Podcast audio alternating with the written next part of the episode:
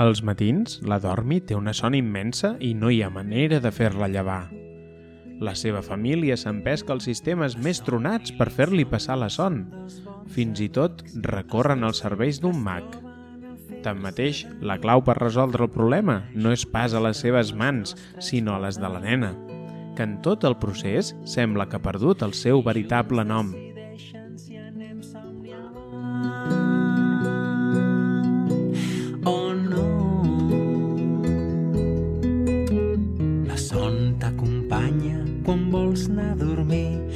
L'insòmnia et Doncs avui parlarem de la son, i concretament de la son que sentia la Dormi. I també parlarem de l'insomni i dels neguits que generava la son de la Dormi als seus pares. Um, però anem a pams. Qui és la Dormi? Um, per explicar-nos-ho, doncs ens visiten als estudis de la ràdio de l'escola la Rita, que és alumna de segon, la Marina, que és la seva mare, la Carme i en Romà, que són els seus avis. Perdó, no són els avis, són els seus padrins. Benvinguts, com esteu? Hola, bona tarda. Hola, Bon dia, Magí. bon dia. Escolteu, no, no passa cada dia que tinguem l'oportunitat de poder parlar amb l'escriptor d'un llibre, amb la seva representant editorial i amb la protagonista d'aquest llibre. A veure, per on comencem a explicar la història de la Dormi? Com va passar tot això? Doncs, quan jo tenia 8 anys, vaig participar en un joc de cartes on representava que si jo enviava un conte amb una amiga i reenviava la carta a quatre amigues més, que a la vegada reenviarien aquesta carta a quatre amigues més o amics, eh, rebria 16 contes al cap de potser 15 dies. Clar, tot això era molt abans d'internet, no? I ens entreteníem amb cadenes de cartes i aquestes coses, no? Sí, era un joc bastant habitual. Jo crec que havíem intercanviat cartes, de contes, de mitjons, de, de diverses coses. Sí, trossos de roba, coses així, és veritat. Jo també hi havia participat i normalment rebia poca cosa, no? Doncs, en aquest cas, jo anava uh, rebent contes. Bueno, no, no. És a dir, sí, jo, jo vaig rebre cartes, però no coneixia cap de les persones que me la, que me la rebien. I un dia em vaig rebre una que era molt especial perquè era un conte que estava fet a mà. Mm -hmm. I, I aquest conte, que, de què anava? Què explicava? Aquest conte anava d'una nena que tenia sempre molta son i llavors els seus pares s'inventaven mil i una, mil i una enginys per intentar que es despertés als matins i no se'n sortien gaire. I aquella nena es fa gran -hmm. i el problema és que no se'n recorda de com es diu, Mm. perquè tothom li deia la dormi. Però el fet curiós és que aquell conte tenia molts punts en comú amb la meva vida. Llavors, d'alguna manera semblava que qui l'havia escrit més o menys m'havia de conèixer. Mm. Llavors, era un conte que desprenia un cert misteri, perquè no sabíem d'on havia sortit. Mm -hmm.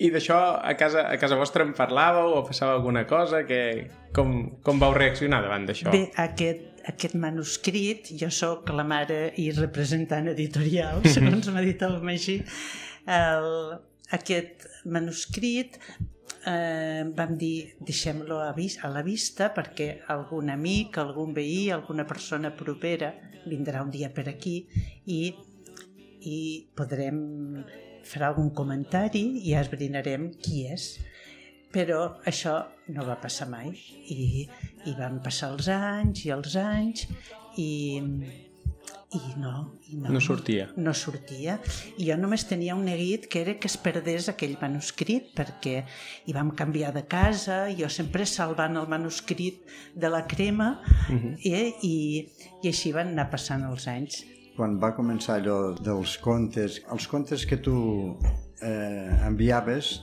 en sabies en què els enviaves, però els que rebies havien de ser gent que no et coneixia, que eren una piràmide que es anaves tenint. Però va ser com bastant un fracàs, és a dir, jo anava, abans de que arribés la Marina a casa ja havia mirat si la bústia hi havia algun conte i a vegades n'hi va haver algun però sempre eren contes molt poc, diguem allò, atractius i tal. I, bueno, un bon dia vaig dir, bueno, això ho hem d'arreglar a base d'anar a la llibreria, comprar contes, posar-los dintre d'un sobre, inventant-nos l'adreça Mm -hmm. i anirà rebent contes. I sí, sí, vull dir, llavors vull fer 5 o 6 contes macos, vull dir, no, potents, bonics i tal. I, llavors un, jo feia de profe i un dia que feia, tenia un examen i vigilava, una assignatura de introducció a l'economia a la Facultat de Geografia i Història, sigui, no, no, no res de nens eh, de, de 8 anys ni No, així, no, no, no, sinó no, no. una cosa més... I la cosa més avorrida del món és vigilar un examen, perquè vull dir, estàs allà mirant com els demés escriuen i se'm va ocórrer d'escriure un conte per posar-lo amb aquesta d'allòs. I llavors em vaig inventar la història aquesta d'una nena que no tenia mai son, perdó, al revés, sempre tenia son i mai se despertava, que no és el cas de la Marina, era, era pura ficció i tal, i llavors, bueno, me'n recordo que l'examen del matí ho vaig escriure i a l'examen de la tarda, que hi havia un altre grup, Sí. ho vaig passar amb net i va ser aquest famós manuscrit que explicava la Carme i tal, que també tenia dibuixets i estava bastant, bastant treballat i tal, no? I el vaig posar a la bústia i la veritat és que em pensava que instantàniament se descobriria qui l'havia escrit. I van passar 10 anys. Perquè no, bueno, és a dir, no ho van relacionar i llavors es va quedar, a més es va quedar, crear com una mena de... Jo ja vaig preferir passar de tot, dir, bueno, no, no, no em delato, i, bueno, és a dir, van anar parlant qui podia ser, algú que sabia que anava a Menorca a l'estiu, aquell, aquell altre, anaven descartant i tal. Després això es va oblidar, és a dir, va arribar un moment que ningú se'n recordava d'aquest conte, la Carme el guardava i tal, i al cap de molts anys va tornar a sortir el tema i llavors van descobrir molt ràpidament qui era l'autor i, bueno, i aquí s'acaba la història de, Mhm. De la meva participació amb el conte, no? Vull dir, I, I sospitàveu d'algú conegut precisament perquè en, en el conte i la història passaven coses que, que us identificaven, no? Sí, el conte, bueno, el detall de, de les vacances a Menorca era, era, era molt, molt il·lustratiu i, i després hi havia detalls, no? Clar, quan la Marina ja tenia 18 anys i, i jo estava de baixa a casa i vaig agafar el manuscrit i vaig veure claríssim que allò era lletra del roman, se'm va, em va explotar el cervell perquè vaig pensar, però com no te n'has donat compte abans d'això? Quina... Va arribar la Marina i li vaig dir, Marina, això ho ha escrit el roman. I quan va arribar el roman i li vam dir, com has pogut estar callat 10 anys? Es va posar a riure. Encara no ha dit ara que sí. Bueno, ho ha insinuat.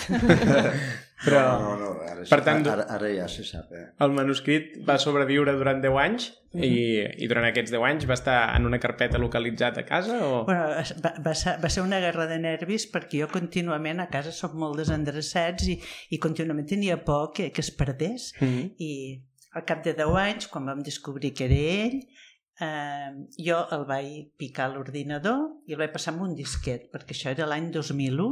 Mhm. La Marina tenia 18 anys i els ordinadors tenien disquets. Sí. I aquell disquet el vaig donar amb una amiga que treballava a la, a la galera Mhm. i li vaig dir, Mercè, això al, a la galera. I però vaig fer el mateix que va fer el Roman, no vaig dir res a ningú. I al cap d'una setmana, Roman, explica'l tu, això.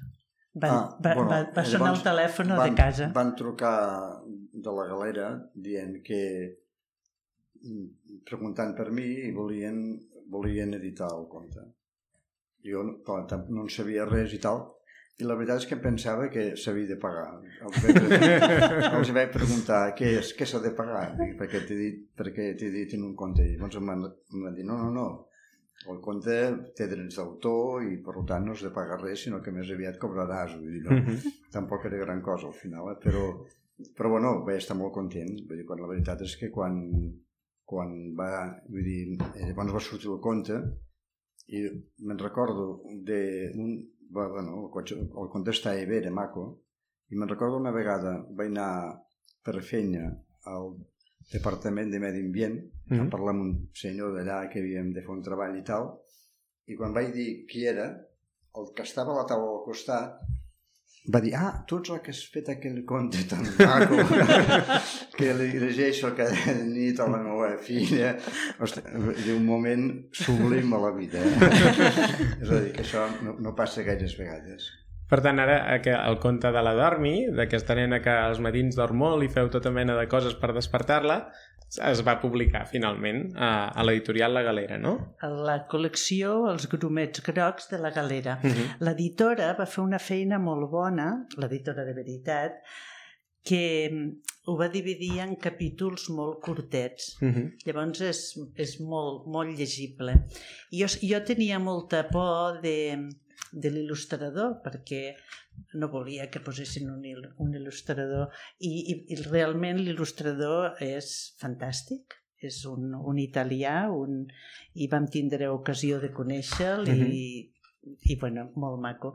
L'il·lustrador, la divisió en petits capítols i la il·lustració van ser molt, Mm. molt encertades i vam disfrutar. Clar, això va ser l'any 2002 Uh -huh. i, o sigui, fa 20 anys, eh? Sí, sí. i l'hem disfrutat molt, la veritat, i el seguim disfrutant perquè ara la Rita té els mateixos anys que tenia la Marina quan tot això va passar. Uh -huh. Hem de dir que fa, fa potser unes tres setmanes o un mes la Rita va aparèixer a la classe amb un llibre que es deia La Dormi i em va dir, mira Magí, que, que et porto aquest llibre. I dic, ah, molt bé, Rita, no el coneixia aquest llibre. De, de què va? No? I em va explicar, doncs és una nena que els, els matins dorm molt i no la poden despertar, no hi ha manera, ho proven de tot. Um, crec que fins i tot proven de, de comprar un gall, no? I que, I que com que el gall no la desperta, però desperta tot el veïnat, el que acaben fent és posant-lo a la cassola per Nadal, no?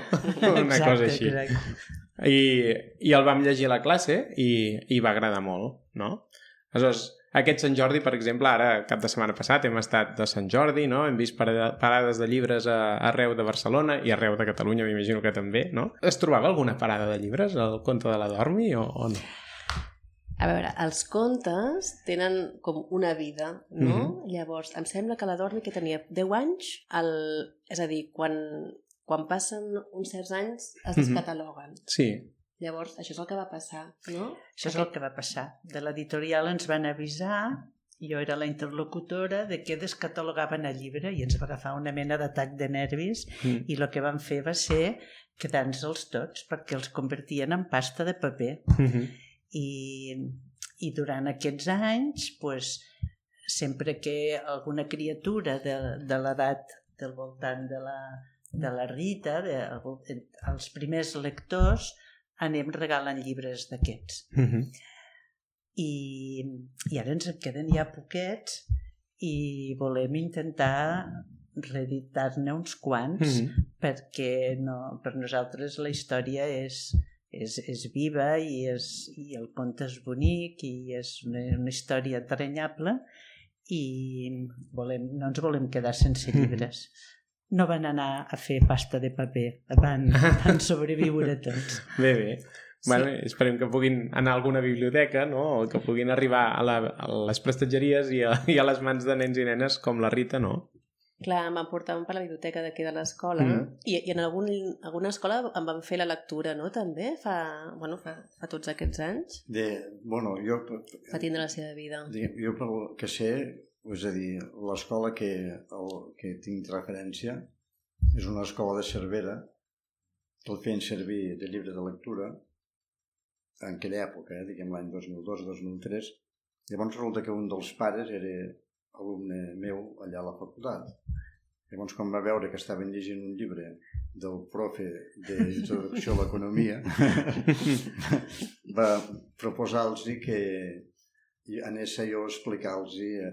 Llavors, vull dir, fa uns 20 anys em vaig enfrontar amb dues classes que em sembla que també eren de segon, Mhm. amb una escola de Cervera, a explicar-los una miqueta la història aquesta i feien preguntes, molt maco, eh? Dir, Mhm. Va ser una cosa bastant entranyable. Els nens i nenes, vull dir, allò molt espavilats, eh? I preguntaven coses que dius, caram, tu, Mhm. com fan anar la imaginació, no? I bé, bé, bé.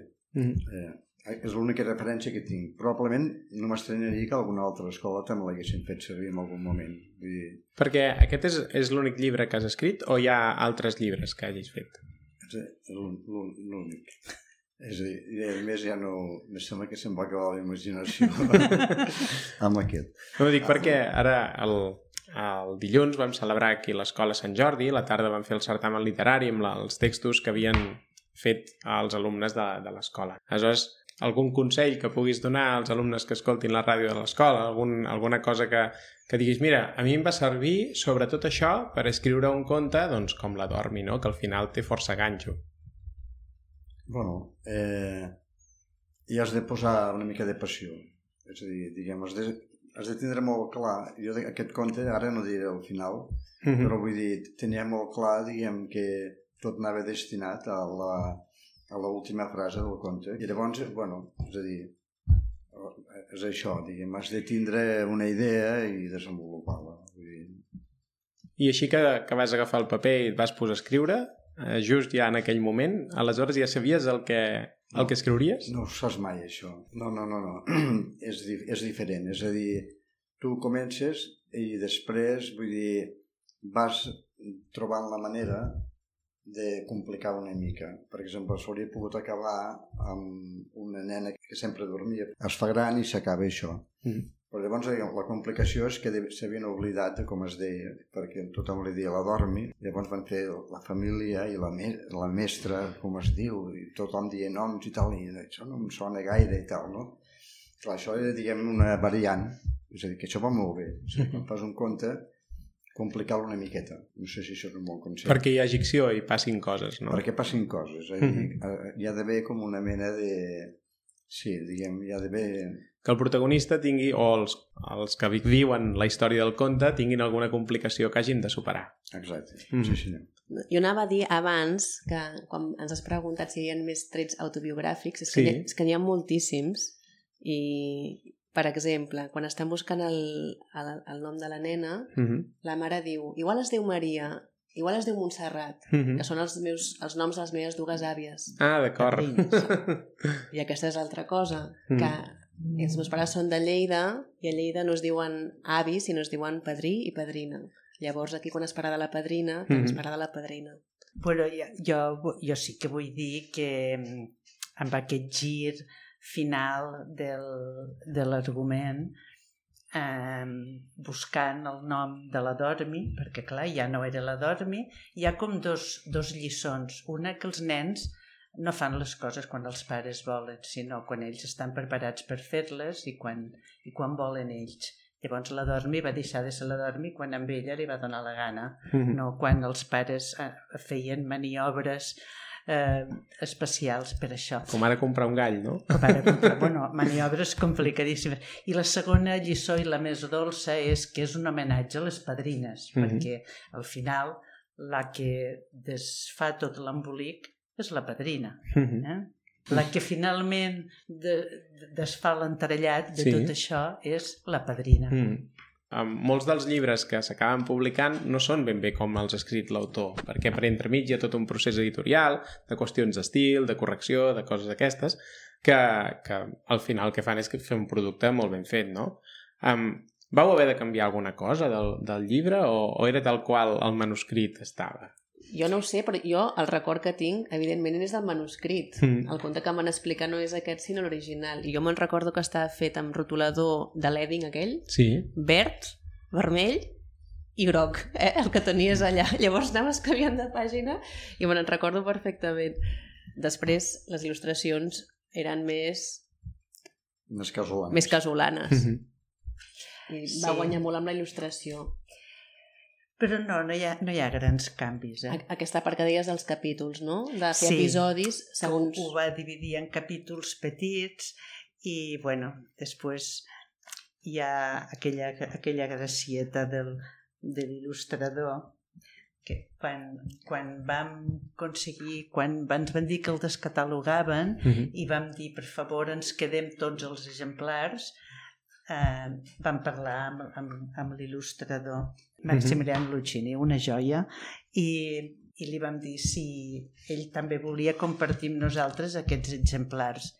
i ens va dir que, que ens el cedia perquè ell veia que per nosaltres això era una història familiar i tal, i per ell era un de molts. Diu, però tinc un problema. Diu, jo vull saber si la dormi realment quan, quan dormia treia el peuet per baix. Ah, d'acord.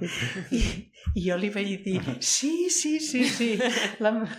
Per tant, les, les il·lustracions també contenen aquesta part autobiogràfica, no? Sí, bueno, les il·lustracions són molt maques, molt, i tenen molta, molta ànima. Mm -hmm. Estem molt contents, vam estar molt contents, i jo veig que han passat els anys i, i no, no, ha, no ha perdut gràcia ni ha perdut actualitat.